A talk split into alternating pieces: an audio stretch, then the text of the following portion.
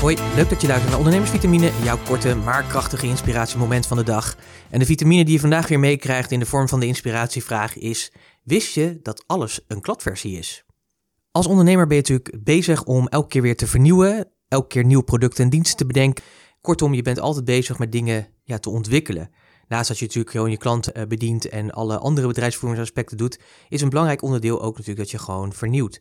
Wat ik vaak zie gebeuren is dat vaak mensen niet in ja, onvoldoende in actie komen, omdat ze maar continu bezig zijn met het perfectioneren van nou, bijvoorbeeld een, een nieuw product wat ze in de markt willen zetten of een nieuwe dienst die ze willen lanceren.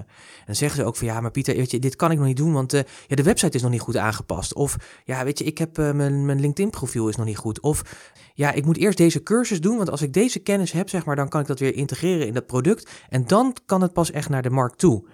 En dat is natuurlijk allemaal dikke, vette onzin. Of ook wel in vaktermen gezegd dikke bullshit. Een van mijn mentoren die zei ook altijd: alles is een kladversie. En dat is een hele fijne. En het voordeel van dat alles een kladversie is, want dat is namelijk ook zo. Als je elke keer ook zo naar kijkt, is dat het altijd weer beter kan. Dus je publiceert gewoon je kladversie. En je weet gewoon dat je tussentijds gewoon dingen kan verbeteren. Maar het mooie daarvan is, dus als je er naar gaat kijken als een kladversie, is dat je wel in actie komt. Dat je wel gewoon naar buiten gaat. Dat je wel zeg maar die actie onderneemt.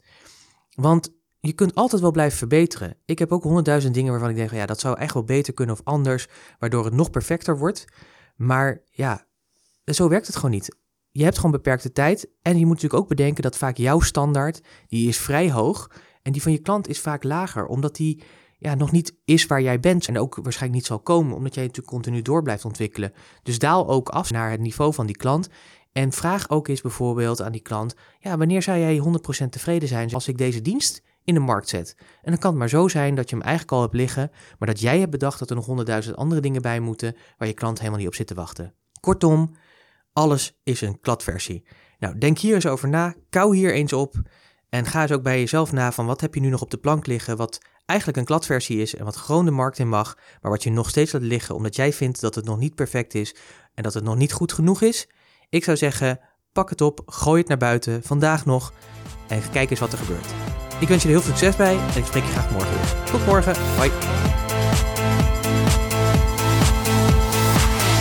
Ondernemersvitamine is een onderdeel van de podcast Business Talk So, powered by Purst. Purst werkt voor ondernemers. Meer informatie, purst.nl slash podcast.